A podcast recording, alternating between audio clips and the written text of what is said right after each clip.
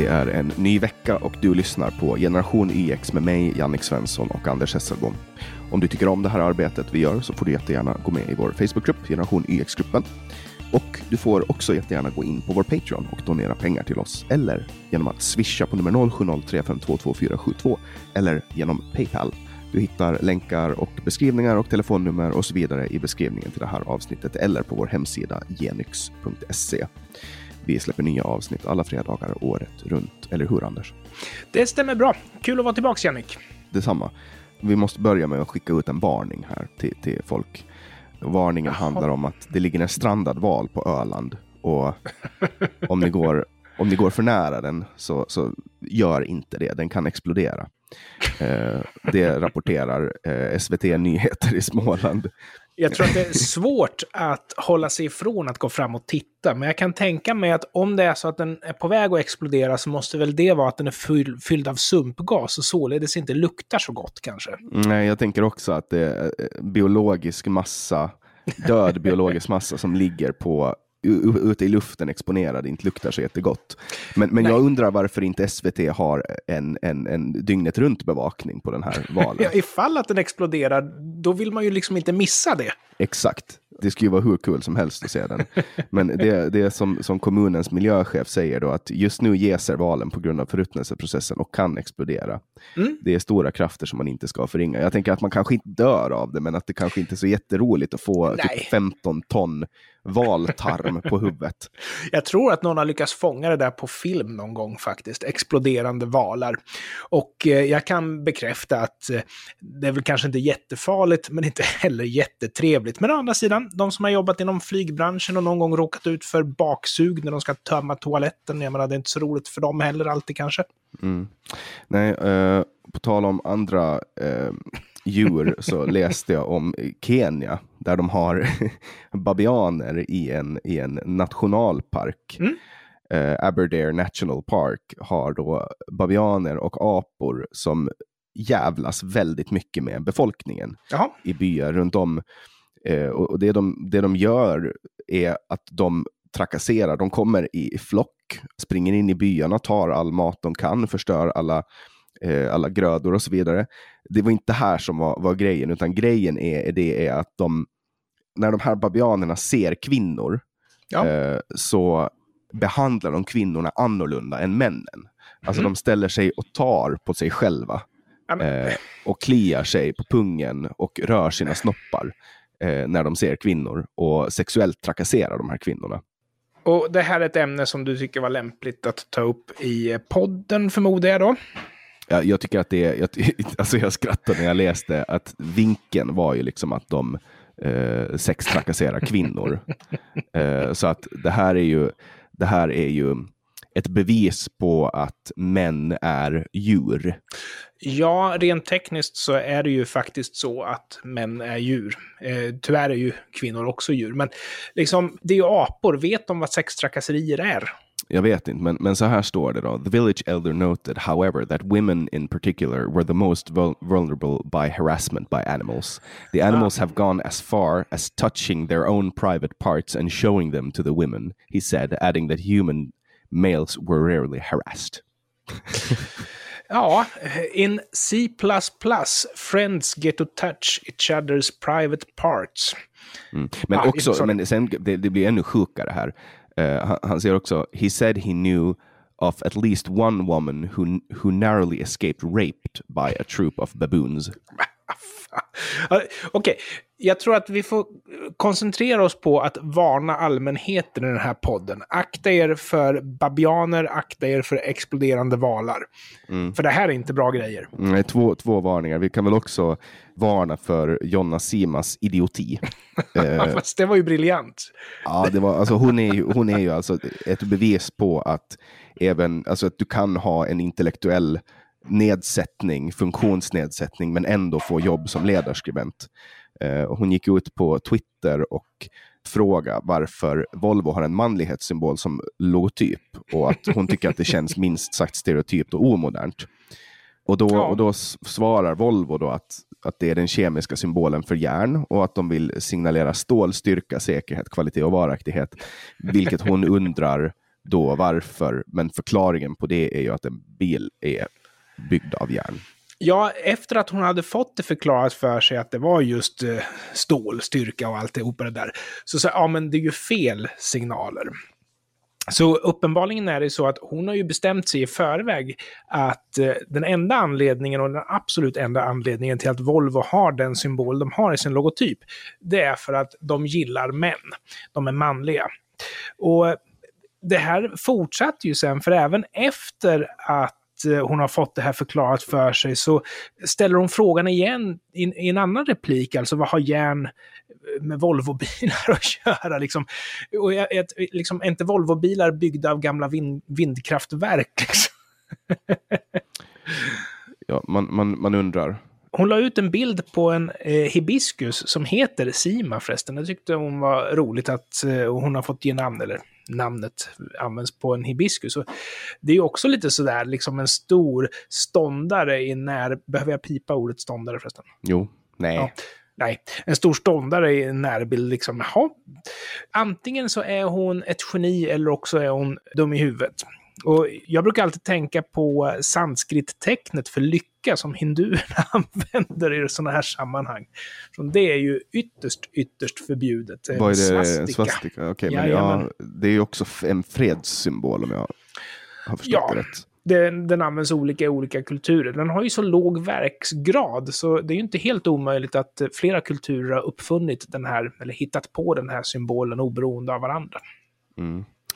Ja, Sen har vi fått in ett tips från en lyssnare, Magnus Axelsson, som är en trogen lyssnare av den här podden som har gjort lite research eh, angående, ja tack för det Magnus, angående Kristi, Kristinehamns bibliotek då, som har en, en föreläsning om bildspråknormer och maktstrukturer i, i en föreläsning med en, en snubbe som eh, heter Thomas Gunnarsson, men som mm. har satt genus framför sitt, sin yrkestitel, så han kallas för genusfotografen. Jaha, okay. eh, och han tar då 18 000 för en timme, när han pratar om normer och normkritik och så vidare. De är lite kapitalist-savvy måste man ju säga, när man har en timlön på 18 000 spänn. Det är ju nästan som Soran Ismail-pengar där skulle jag ju säga.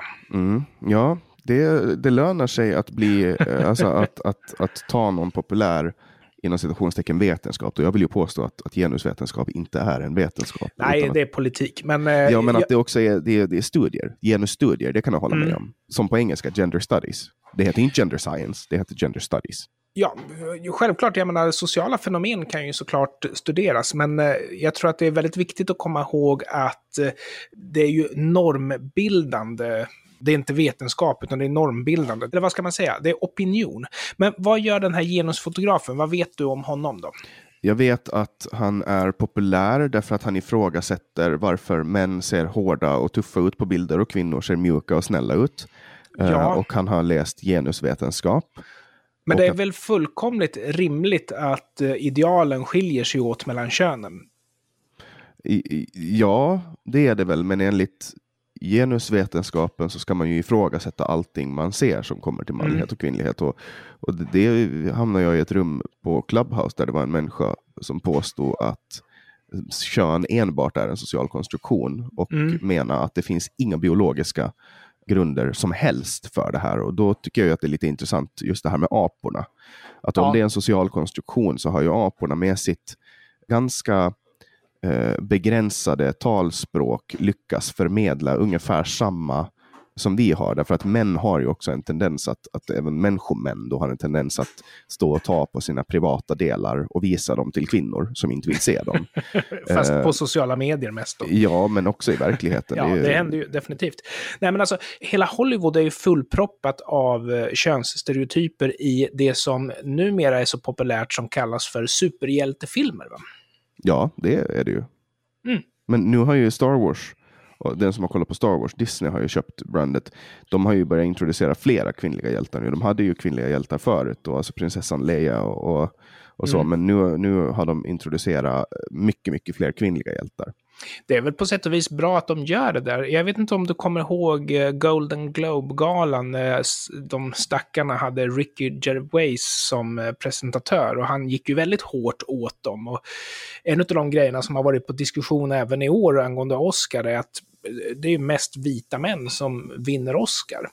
Och jag tror att det kan ha att göra med identifiering att göra. Om du tänker att du åker till Egypten och så tittar du på tv eller på lokalproducerad film så är det ju mest egypter där. Du har ju inte så mycket vita människor där.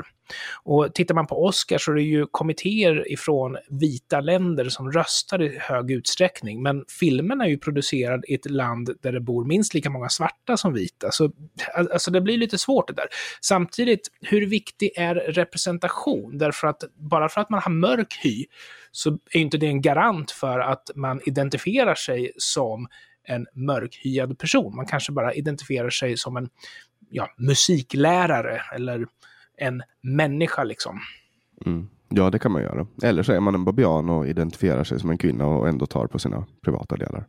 Så kan det också vara. På tal om babianer, vi har ju eh, Bolund då, Per Bolund som är ja. miljö och klimatminister. Han har ju varit på ett eh, möte. Joe Biden hade ett internationellt klimattoppmöte. Och eh, då menar ju Per Bolund att, att eh, att Sverige har fått inleda och sätta tonen för hela mötet. Men Bolund och medier har nu fått väldigt mycket kritik för hur det presenterades. Mm. Eh, och då är det då en, en statsvetare som heter Niklas Bolin som har uttalat sig och sagt att man har blåst upp den här rollen. Mm. Och Bolin säger då om ni att det var ett mindre event inom ramen för det större och själva talet var ganska kort. Så jag kan förstå kritiken som riktas mot Per Bolund. Eh, och det här kanske inte var någon direkt startpunkt, säger Bolin. Eh, och det, det, alltså, det här är alltså på samma sätt då som, som man, man blåste upp Greta Thunbergs roll en gång i tiden. Ja. Eh, när hon stod inför tomma lokaler och, och pratade på stormöten, då, fast det inte var människor där. Då blåste man ju upp henne och sa att hon pratade inför alla världsledare och så vidare. Nu gör man det här igen och det här är ju alltså, det här är ju bedrägligt. Nej, men man gör det inte igen, för den här gången var det ju faktiskt regeringen som skickade ut ett pressmeddelande som media helt okritiskt publicerade, där rubriken och ingressen gav sken av att Joe Bidens klimatmöte, att Per Bolund överhuvudtaget var välkommen dit, vilket han såklart inte är eftersom det är ju betydelsefulla personer som ska vara där. När det gäller Greta Thunberg så var ju det SVTs konstruktion. Det här är alltså regeringens konstruktion, men Greta Thunberg var... Jag skulle vilja påstå att det är samma, att det är synonymt regeringen och SVT. Ja, nej, nej alltså regeringen äger ju SVT via en stiftelse, så det är ju klart att SVT är regeringsvänliga. Speciellt om det är så att anslag och sådana här blir en politisk fråga, så kommer ju naturligtvis SVT ta ställning för de som vill bevara anslagen. Så SVT borde väl rimligtvis vara regeringsvänliga. Men de är ju inte regeringen. Mm. Ja. Många tror att de är statliga, men så är inte fallet. Utan det är statsinvånarna som betalar. Men de är alltså regeringen som driver dem. Mm. Sen finns det ju regeringar där det händer saker på mm. riktigt. Mm. Och en som det nu håller på att hända saker i är franska eh, regeringen där då 25 pensionerade generaler har, har skrivit ett brev till Frankrikes president Emmanuel Macron där de varnar om att landet är på väg mot ett inbördeskrig. Mm. Eh, Berätta, vad, vad handlar det om? Är det här flyktingfrågan som bränner eller vad är det som händer? Det är, generalerna kallar, kallar det är eh, irriterade på att de inte agerar mot de så kallade förortshorderna. Ah. Vilket är då invandrartäta bostadsområden runt franska städer. Och de syftar då till att de här hånar Frankrike. Mm. Eh, och deras slutsats är att det här kommer att leda till inbördeskrig. Sen får man ju sätta det här i, i, i ett ljus. Och det har ju gått, det är ju, en del har sagt att det är, det är inga tungviktare som har uttalat sig och så vidare. Men, men att man går så långt till att man pratar om om, om, om det här. Alltså nu har ju då försvarsminister Florence Parly. Alltså jag, jag, jag, kan försöka uttala, fl, fl, nej, jag tänker inte försöka uttala på franska. Hon har varnat aktiva militärer för att de kan straffas för trots mot lagen som kräver ja. att de förhåller sig politiskt neutrala. Så att det har ju gått ut från regeringens håll och, och liksom Ja, alltså vi har ju en form av konflikt även i Sverige. Jag, en, en tanke som slog mig, det är ju att du är säkert bekant med Yassin och sånt där. Och han har ju texter där han skryter om sina kriminella bragder och folk älskar ju det här. Folk fullkomligt älskar Yassin. Han ska hyllas trots att han är en simpel kriminell person. Men sen så har du till exempel Mr Cool som uppenbarligen inte är en kriminell person, men som gjorde en parodisk låt som handlade om, ja, egentligen sexualbrott mot barn. Och han blev fullkomligt hatad. Man pratade om att man skulle censurera kulturen och alltihopa det där. Så vi gillar ju än så länge orten. Men risken finns ju att om orten får ta för mycket plats, om de kriminella gängen får ta för mycket plats, så kommer det att ske på bekostnad av vanliga människors säkerhet och då kommer vi få samma typ av konflikt även i Sverige. Mm. Ja, den, den 17 januari 2018 så sa ju statsminister Stefan Löfven att han inte vill utesluta att man kan sätta in militär mot den grova organiserade brottsligheten. Och, och det är ju mm. förbjudet i svensk lag att ja, sätta in militär alltså, mot civil. Då kan man ju således utesluta det då. ja, men, men jag tror inte, alltså, så här, då är ju frågan, ska man kalla ett kriminellt nätverk med, med tunga automatvapen och eh, övrig militär utrustning såsom pansarglas, bilar och, och handgranater för, för civila styrkor? Det är frågan. Uppenbarligen så har det ju varit mer effektivt att syssla med den signalspaning som man gör. Ja, där chattarna. man inkräktar på folks privatliv för att ta reda på vad som, vad som händer. Ja, och eh, man får ju hoppas att det sker mot personer som är skäligen misstänkta och inte någon annan då. Ja, ja eller skäligen misstänkta och deras anhöriga. Ja, men eh, alltså, det, är ju det, här, det här tangerar ju alltid till att bli en diskussion om piratkopiering eftersom eh, liksom, du ska vara skäligen misstänkt för ett relativt grovt brott. Alltså skäligen är ju en ganska låg grad av misstänksamhet, men å andra sidan så måste brottet vara grovt. Och då kan man alltså höja straffsatsen på att piratkopiera material för att kunna liksom få in det också i snurran. Så att man mm. kan använda den här typen av spionage mot ja, vanliga människor egentligen. Då. Så det, det, det är svårt att liksom inte komma in på den, det ämnet när man pratar om det här. Men generellt sett så är signalspaning effektivare än militären, tror jag. Men vad vet jag? Jag är inte regeringen. Regeringen är ju den som alltid vet bäst. Ja, så är det ju, åtminstone i Sverige. Och deras favoritmyndighet är ju Skatteverket. Och nu har ju Skatteverket gjort någonting som jag åtminstone tycker att är ganska bra. Ja. Uh, och det är då, nu citerar jag Eva Bodén på Skatteverket. Har man fått stöd från Kulturrådet och sen fått stöd för samma hos Skatteverket genom omställningsstödet, då kan man bli återbetalningsskyldig. Och det tycker jag är bra. Jag tycker det är bra att man får betala tillbaka kulturbidrag, för att jag tycker att kulturbidrag är stöld. Och de har ju då, alltså den här ministern för kultur, då, Amanda Lind, hon gick ut med att, man skulle behöva, att de skulle få hur mycket, man har ju satsat hur mycket som helst på kulturen nu under mm. corona, då, trots att folk inte har kunnat få vara ute och ta del av den. Så att, och det här, jag tycker att de här kulturpengarna är, är liksom, bort, bort med dem. Eh, du tar tillbaka dem? Nej, det, här måste jag nog säga tvärtom. Att fler borde ha fått pengar. Det borde inte varit bara kultur och, och sådär. Fler har ju fått pengar. Det har ju företagare har ju kunnat söka de här pengarna. Ja, fått tillbaka men, sina pengar som har ja, plundrats av Skatteverket. Där kan jag gå med på att... Men problemet är ju att om, om man sätter upp en tillfällig lag som säger att någon person de facto får näringsförbud då är det väl självklart att han ska ha ersättning för det. För om det är så att mitt företag går dåligt trots att jag spelar på samma villkor som alla andra, då är konkursen liksom runt knuten. Men om mitt företag går dåligt för att regeringen har satt upp tillfälliga lagar, då ska jag ha en rimlig ersättning för vad jag kunde ha tjänat för pengar under den tiden. Så det, problemet är väl att man fokuserar lite mycket på kultur kanske. Ja, nej, men jag tycker att all form av kulturstöd, jag, det sticker i ögonen varje gång jag ser att någon människa får. Hade man haft lägre skatter så hade ju företagen kunnat generera en högre grad av vinst. Och om de har slösat bort dem eller låst in dem på ett konto i Schweiz så får de väl skylla sig själv. Då hade man inte behövt att ha bidrag, för då kunde den som var lite framåt eh, den som var lite framåt kunde ju ha förutsatt att det kan vara bra att ha en liten buffert. Mm. Ja, men kultur då som finansieras privat, det är mm. Bulletins senaste satsning. De har, de har värvat Hanif Bali moderaten och Jan Emanuel Johansson, socialdemokraten. Och folk tänker ju då kanske att de ska skriva ledartexter och opinion, men nej, de ska göra ett motorprogram. Eh, det var det de skulle göra. Mm, Vad ointressant. Ska, ja, men de ska, testa, de ska testa bilar och så ska de prata om motorer. Jag tycker att det är ganska roligt. Uh, att man, man, man för samman två politiska läger genom ett gemensamt intresse. Då. Spruta ut asfalt på bensinen i högljudda bilar. Ja, alltså jag är ju totalt ointresserad av det här, men är det så att de kan eh, göra någonting journalistiskt intressant av det? Nej, jag kommer nog inte läsa det. Men eh, alltså två politiska läger, Jan Emanuel är väl, han är väl sosse på pappret, men han, han är en gammal sosse. Ja, det är klart, han är en gammal sosse. Och en gammel sosse. Gammel sosse, precis. En, en riktig sosse om man säger så.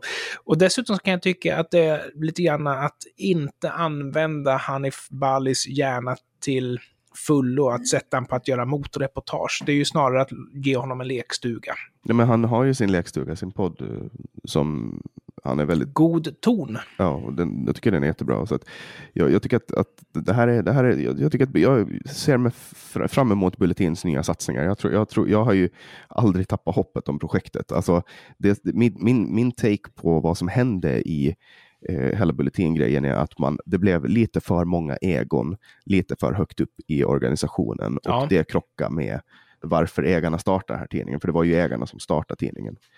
Ja, alltså jag skulle nog inte heller säga att det är kört. Jag, jag tycker att det är ganska självklart att eh, en, en tidning som har en politisk eh, vad ska man säga, inriktning som går stick i stäv med Sveriges Televisions politiska inriktning borde ju kritiseras av Sveriges Television. Det är liksom fullkomligt rimligt. Och de hugger ju på alla, liksom, alla chanser de får att hugga såklart. Men eh, alltså tidningen som sådan, det som kommer ut, är ju bra. Det är ju okej. Okay. Mm. Ja, och hela den här grejen med, med det börjar konflikt där, alltså, som grundar sig i då att, att uh, redaktionen ansåg att styrelsen, nej men, uh, ägarna försökte styra för mycket, men alltså det är ju ägarnas tidning och mm. de ville starta en ny tidning. De ville inte starta en, en gammaldags tidning som, som gick ut på att, att replikera DN eller, eller SVT nej men, SvD. Eh, så att eh, jag, ser, jag ser fram emot eh, att se vad som händer i, i, i Bulletin. De har, de har rekryterat, de har också då Alexander Bard har, har blivit rekryterad dit och han är ju ett stort namn i, i svensk opinionsbildning. Ja, jag personligen läser ju hellre kvartal, men eh, jag tycker det är intressant att se vad som händer på Bulletin, för jag tycker de har en infallsvinkel som ger dem ett berättigande, ett existensberättigande som jag uppskattar faktiskt. För det är ju lite följa John i eh, gammelmedia generellt sett. Men jag tror väl att Expressen har ju gjort ett ganska bra gräv här och det handlar ju om vår kära utbildningsminister Anna Ekström. Och eh, jag vet inte om du minns det, men Sverige har ju sjunkit i PISA-mätningen, alltså... Den här, oh ja, jag minns. Ja. Och det är ju skolelevernas prestationer som jämförs internationellt. Men helt plötsligt så vänder vi uppåt. Och nu visar det sig att Riksrevisionen, som då granskar myndigheternas arbete, har ju slagit ner på Anna Ekströms påstående att det har vänt upp. Det är ju snarare så att vi har trixat lite grann med förutsättningarna så att det ska se ut som om vi har vänt uppåt. Men vi i Sverige har ju fördelen av att leva i det enda landet på hela jorden där regeringen är ett 100% ofelbar. Så uh, vår minister Anna Ekström, hon skjuter vidare på Skolverket. Ja, men det, är klart, så säger det är alltid, hon klart att det inte är hennes fel. Nej, och hon säger så generöst att hon har förtroende för Skolverkets generaldirektör Peter Fredriksson. Och det var ju generöst av henne att hon har det. Mm. Nej, men så nu, nu försöker ju oppositionen kraftsamla för att få henne avsatt. Eh, ja, herrejösses, skandal annars. Ja men vadå? De, de, den här regeringen avsätter inte ministrar. Alltså det hör till att fuska eh, när man är i den här. Den här regeringen är så korrupt så att det finns liksom inte, det, fin, alltså det är beyond korruption. Mm. Eh, så jag tror inte att någon kommer att, det, det enda ansvarsutkrävningen de kommer att få, det är när de, alltså efter nästa val, när det blir en, en regering som de absolut inte vill se, det vill säga en sverigedemokrat, moderat, liberal regering. Ja, KD det- och KD såklart. Det bygger ju såklart på att Liberalerna inte ska åka ut, men eh, jag tror inte heller att eh, Sverigedemokraterna kommer att vara välkommen in i regeringen om jag ska vara helt ärlig. Det tror jag. Jag tror att de kommer att bli det. det är- Jag tror att de kommer stötta en minoritetsregering som består av L möjligtvis och sen M och KD. Jag tror inte att, jag tror att minoritetsregeringstiden för Sverige är slut. Det, alltså det, det, här måste, det här måste få en, en vändning snart. Man kan, inte, man kan inte hålla på med minoritetsregeringar. Eh, Nej, men alltså, alla, tre finnas- partier, alla tre partier har ju bestämt sagt att de inte tänker släppa in SD i någon regering. Och de har ju varit lika tydliga med det som eh, Socialdemokraterna har varit tydliga med att de inte ska regera tillsammans med Vänsterpartiet. Ja, men det där kommer att förändras. Jag tror att det där förändras, men det är bara, det är bara vad jag tror. Ja, den som lever får se. Eh, och som sagt, det är ju 500 dagar kvar till valet, så det hinner ju säkert rinna mycket vatten under broarna fram till dess. Men eh, beskedet just nu, det är ju alltså att eh, SD inte ingår i något regeringsalternativ. Mm. Nej, men så är det ju. Och vi pratade ju lite, vi var ju lite på, inne på, på tidningsjättar och så. Du hade en take på Peter Wolodarskis take på, du hade en take på Peter Wolodarskis take. Okej, du hade en take på Peter Wolodarskis take om juda, judar och judehat. Ja, jag kan bli väldigt personligt kränkt. Alltså alla måste ju ha någonting som de blir kränkt över. Och eh, jag blir väldigt kränkt när man pratar om sina egna misstag på ett sätt som låter som att alla har varit inblandade. Och det klassiska exemplet i Sverige, det är ju vi har varit naiva. Om det är så att det är en ledare som är naiv och alla påpekar för den här personen att den är naiv, men ledaren tillhör det ofelbara partiet, så kommer ju om budskapet väl går fram så kommer det ju vara vi som har varit naiva. Och det Peter Wolodarski säger här, det är att Sverige ursäktade judehatet när det kom från Mellanöstern. Och det han pratar om här är ju SSU.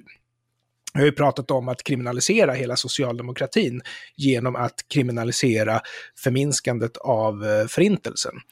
Och så långt tror inte jag Peter Wolodarski vill gå, för jag tror han är väl sosse själv. Alla som är liberaler eller höger i tidningsvärlden är väl socialdemokrater. Jag menar, en borgerlig tidning som på ledarsidan hyllar socialdemokratin och på nyhetsplats kritiserar oppositionen. Liksom, det är helt bisarrt, Dagens Nyheter. Sverige har inte alls ursäktat judehatet när den kom från Mellanöstern. De allra, allra flesta personer i Sverige har ju varnat för att den svenska feminismen, den svenska antirasismen och så vidare kanske inte finns överallt. Vi har ju varnat för det. Men sen så finns det en liten klick i makteliten som förvisso har sett mellan fingrarna på det här. Peter Wolodarski tillhör ju den lilla klicken. Och då helt plötsligt är det vi som har varit naiva. Nej, vi har inte varit naiva. Alltså det, jag, jag är så jävla trött på att höra att vi har varit naiva. Alltså att erkänna att man har varit naiv. Det är någonting man ska göra i samband med att man tar Mm. krafttag mot och avstånd från sitt gamla agerande och bara nu ändrar jag det här beteendet, nu gör jag någonting annorlunda. Men inte erkänna att man har varit naiv och sen fortsätta i samma riktning. Vad fan är det? Ja, men det är ju inte ett erkännande. Om det är så att du missar tåget och sen så berätta för mig varför du kommer för sent genom att säga vi gjorde en felbedömning. Då kommer jag säga till dig fuck you, du gjorde en felbedömning. Det är ju inte vi som har missat tåget om du har försovit dig. Om, om, om, eh, om det är så att Peter Wolodarski har sett mellan fingrarna på rasism, då är det ju Peter Wolodarski som har gjort det, inte Sverige. Mm. Ja, och jag tänkte att vi ska gå in på lite metadiskussion också. Att den här podden eh, fyller ju snart ett år. Mm, grattis, Tack. I förskott. Ja, vi sitter just nu och spelar in då det 38 avsnittet. Och, Yes. eh, vi startar i augusti 2018. Nej, men vad säger jag? 2020. vi startar i augusti 2020. Jag vill bara för lyssnarna berätta att för att göra administrationen enklare så är avsnittsnamnet på det här avsnittet 22131241251234. Tack så mycket för det, men jag ska försöka komma ihåg att döpa om det sen. Mm, det var det jag döpte det till när vi spelar in. Så bara Det är för att Jannik är så smidig när det gäller sådana här praktiska ting som att katalogisera saker. Nej, men alltså jag bara slår, jag tar neven och så slår jag på numpad-delen av, av eh, ta- tangentbordet. Men, men då är ju frågan så här, att jag har fått, vi har fått lite kritik för att alla, alla bilder är samma. Att vi är så lata att vi inte ändrar. Att folk tycker det ser tråkigt ut när man scrollar i vårt flöde. Eh, deal with it. Alltså grejen är den att det ska ju synas era iPoddar eller vad det är ni har för någonting. MP3-spelare. Ja, era MP3-spelare. Kassett, era, era Sony Walkmans. Era freestyles. Graf grammofonskivor. Ja, men att det är oss ni lyssnar på. Vi vill ha det så här. Vi är också väldigt stolta över att det är Aron Flam som har designat omslaget. Ja, gud ja. Absolut. Men, men sen har vi ju då, i, i synnerhet i början fick vi lite kritik för, för vår trippiga introlåt som, som är just trippy. Alltså den låter som en psykedelisk svamptripp ungefär. Den är, den är framtagen för att låta så. Jag blir inte kränkt över kritik mot den trots att det är jag som har spelat in den. Men, men eh, jag vet att inte alla gillade den heller. Mm. Men, men jag tänker att vi ska summera lite hur, hur vi har gått. Alltså tanken med den här podden var ju någonting helt annat än vad den sen blev. Ja tanken var ju att vi skulle uh, ha en, en take på, på generationsperspektivet. Men jag insåg när jag pitchade här för en eventuell vikarie. Vi mm. går in mot sommartider, det är mycket som händer i ditt liv, du håller på att flytta, ja. mycket som händer i mitt liv. Jag kommer garanterat missa en eller två veckor i sommar, det kommer jag garanterat att göra. Ja, och då pitchade jag det här då för en, för en eventuell vikarie och, att, att liksom, och han frågade lite så här, ja, men kan du beskriva liksom idén bakom podden? Och då var det så här, ja men det är en nyhetspodd. Och då var han så här, ja men generationspers alltså gener varför heter det generation Y? Och så sa ja men vi har ett generationsperspektiv i den mån att vi är två olika åldrar helt enkelt. Det, vad, ska man, vad ska man göra? Ska, om man döper en podd, eller om man, om man startar en podd, då vill man ju ha en inriktning, någon form av inriktning. Ja, vi tar ju upp de nyheter och de händelser som vi tycker är intressanta. Och vi ger ju naturligtvis vår syn på dem. Och sen så kan man ju tycka att vi har ju väldigt mycket likheter eftersom vi, vi är lika varandra när det gäller partifärg. Men vi har ju också skillnader på vissa områden. Därför att du har ju alltså ett väldigt tydligt, alltså du är inte torr bakom öronen när det gäller smak och sådana saker. Medan jag å andra sidan är ju en välartad man i mina bästa år med god smak och med väldigt eh, mogen och eh, världsvan syn på de här nyheterna. Jag har gjort en, en, en liten eh, spaning också, att när, när vi träffades då hade du långt hår ja. och jag hade kort hår. Och nu under tiden som vi har spelat in så har du fått kort hår och jag håller på att få långt hår.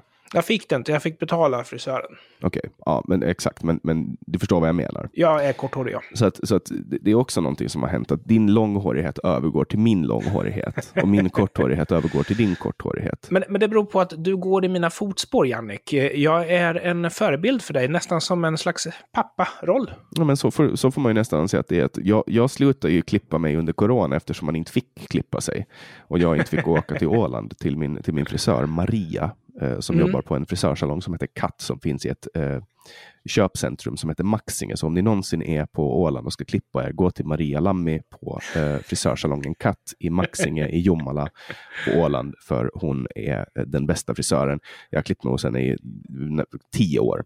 Eh, ja. Och det är bara hon som får röra mitt hår. Under corona då började håret växa och växa och växa och växa och jag fick inte åka tillbaka till Åland. Och till sist så blev håret så långt så att jag tänkte, ja men fuck it. Jag stoppar upp det i en, jag stoppar upp det i en tofs och har det i en tofs så att det inte ska vara i vägen för ögonen. För jag skiter i hur människor ser mig. Alltså jag har ju också då kommit till en punkt där jag struntar i hur människor ser mig. Alltså jag okay. går runt i, mm. går runt i liksom träningskläder för det mesta. Jag går ju på en jävla folkhögskola också.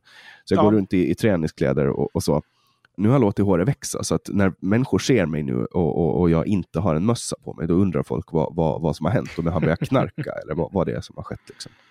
Nej, men då får jag faktiskt erkänna att jag är lite mera fåfäng. Det, det, är klart, när jag ska springa ner till Konsum och köpa en liten mjölk så fine, då går jag väl hur som helst. Men jag är lite mera fåfäng. Och min eh, hästsvans som jag hade, det, det, var liksom ett eh, utstuderat val för att se lite farlig ut när jag debatterar mot folk. Och eh, nu försöker jag se lite vuxen och världsvan ut faktiskt. Det, det, är viktigt för mig att kunna genom mitt yttre försöka visa mina medmänniskor, mina kollegor och sådär, att jag respekterar dem. Men alltså liksom... ser, man, ser man faktiskt farligare ut om man har en hästsvans? Ja, om du har lite backslick eller något sånt där så ser du jäkligt farlig ut. Och då syns ju också vad du gör med ögonbrynen. Och då när man diskuterar med prällar och sånt där så blir de lite rädda och tror att man eh, är satanist eller något sånt där. Nej, men det, det är ett bra knep. Okej, okay, jag... men då, då, då, då, då är det kanske det jag ska anamma. För att nu börjar mitt hår alltså bli långt. Alltså efter ja. sommaren, då kommer, jag, då kommer jag nog att ha det som definieras som långt hår. Nu har jag bara ovårdat hår. Ja, precis. Nu är det oklippt, men snart kommer du få långt hår. Ja. Jag ska inte säga vad min frisör heter, men eh, nu när jag faktiskt besöker honom med jämna mellanrum så har jag också utvecklat en relation till en frisör som, som jag trivs med och som jag går till. Och det som var så roligt med honom, det var att det tog inte fem minuter innan han började skälla på regeringen och eh, att det måste bli extraval och de här idioterna måste bort. Men å andra sidan, han är ju småföretagare. Så han är ju liksom exakt den personen som regeringen suger musten ur för att finansiera sina projekt. Så är man småföretagare är det faktiskt rimligt att man skäller på regeringen, det måste jag säga. Ja, det tycker jag absolut. Det är ju inte så lätt att vara en småföretagare i Sverige kan jag tänka mig. Jag har flera Nej. bolag i Finland och jag tycker att Finland är, eh, det är lite lättare att, att även om vi har det, en språkbarriär mm. som kan vara ganska svår att bestiga ibland. Jag inbillar mig, jag har ju jobbat med mjukvara och sådana här saker, inte bara i Sverige utan på olika platser i världen. Och eh, jag inbillar mig att byråkratin i Finland i vissa fall är mindre och i vissa fall är värre än i Sverige. Men eh, Norge, där är liksom byråkratin i Norge är galen. Ett formulär som behöver 6-7 fält i Sverige eller i Finland behöver kanske 20 fält i Norge. Mm. Det är, då, då, då, ska man, då ska man komma ihåg att det här ska människor integreras in i. Ja, ja det, det, är nog inte så lätt. Men, men apropå, apropå det och apropå att ta ansvar. Jag måste bara säga det att nu när det har varit diskussion om att man skulle ta kriminalisera förminskandet eller icke-erkännandet av förintelsen. Varför inte ta tag i att erkänna armeniska folkmordet som Osmanska riket begick i början på 1900-talet? Alltså det kostar ju så lite. Den enda som blir kränkt är Erdogan i Turkiet. Kan du ta om alltså, det? Ja, den enda som blir kränkt är ju Erdogan i Turkiet. Ja, Erdogan. Tack så mycket. Ja, ja, visst. Fine. Du har sagt fel du också. Jag kan stå för att jag inte kan uttala vissa saker. Jag, jag säger fel lite varstans. Men jag, jag skojar bara. Ja, självklart. Till och med Joe Biden har ju alltså erkänt folkmordet nu. Men Sveriges regering vägrar. Varför inte bara kriminalisera att inte erkänna det folkmordet? Och det konstiga här, det är ju att de som förespråkar att man inte ska erkänna folkmordet, alltså de som står på Turkiets sida, Å ena sidan så säger de att ja, men det var ju inte Turkiet, det var Osmanska riket. De har ju faktiskt bytt namn. Å andra sidan så blir de kränkta för att uppenbarligen så identifierar de sig med det Osmanska riket. Jag har faktiskt hört att samma typ av argumentation används inom Centerpartiet. Centerpartiet var ju nazister. Men de hette Bondeförbundet och därför är nazism okej, okay, liksom. Vi har ju bytt namn. Mm. Ja, det är jättemärkligt det där. Ja, jag håller med dig, Anders. Ja. Jag um, tror att vi är tomma på ämnen nu. Ja, men vi har ju faktiskt kränkt både den ena och den andra. Så är det tomt på ämnen nu så tycker jag att det är helt okej.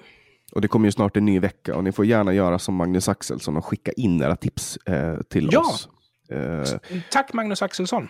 Ja, och sen får ni också göra som flera har gjort nu efter att de har hört mig prata om Clubhouse i poddarna som jag gör. Jag gör ju två poddar den här och samtal. Och där pratar jag om Clubhouse och förträffligheten bakom denna iPhone-app som snart kommer att komma till Android också. Mm. Uh, hör av er till mig om ni vill ha en invite. Jag tycker det är jättekul när det kommer nya människor. Ni når mig på Swish-numret, för det är faktiskt mitt nummer. Mm. Uh, och dit kan ni smsa så får ni en invite till Clubhouse och kanske Anders dyker upp där också lite oftare. Jag ser ju faktiskt på notifikationerna när du är där och jag tänker alltså det borde jäkla kul, men det måste ju funka med tiden. Men det var jättetrevligt att titta in och säga hej till dina kamrater där på Clubhouse. Jag är där varje dag. Mm. Varje jävla dag. Men du som har lyssnat på det här, eh, du har lyssnat på Generation YX med mig, Jannik Svensson och Anders Hesselbom. Du får jättegärna stödja det här projektet vilket du kan göra på patreon.com genyx eller genom att swisha på nummer 0703522472. Eh, det börjar bli dags för oss att eh, uppdatera domännamn och eh, webbservrar och sådana saker. Så att lite pengar slår aldrig hål i sidan. Du hittar alltså alla de här länkarna och numren i beskrivningen till det här avsnittet eller på vår hemsida www.genix.se. Du får jättegärna gå med i vår Facebookgrupp, Generation YX-gruppen också, och se till att den hålls vid liv. Vi tycker om att diskutera. Jag tror att vi är klara för den här veckan idag, Anders. Tack så jättemycket. Känns bra. Tack så mycket. Hej då. Nej, du måste säga hej då, som du alltid säger. Hej då.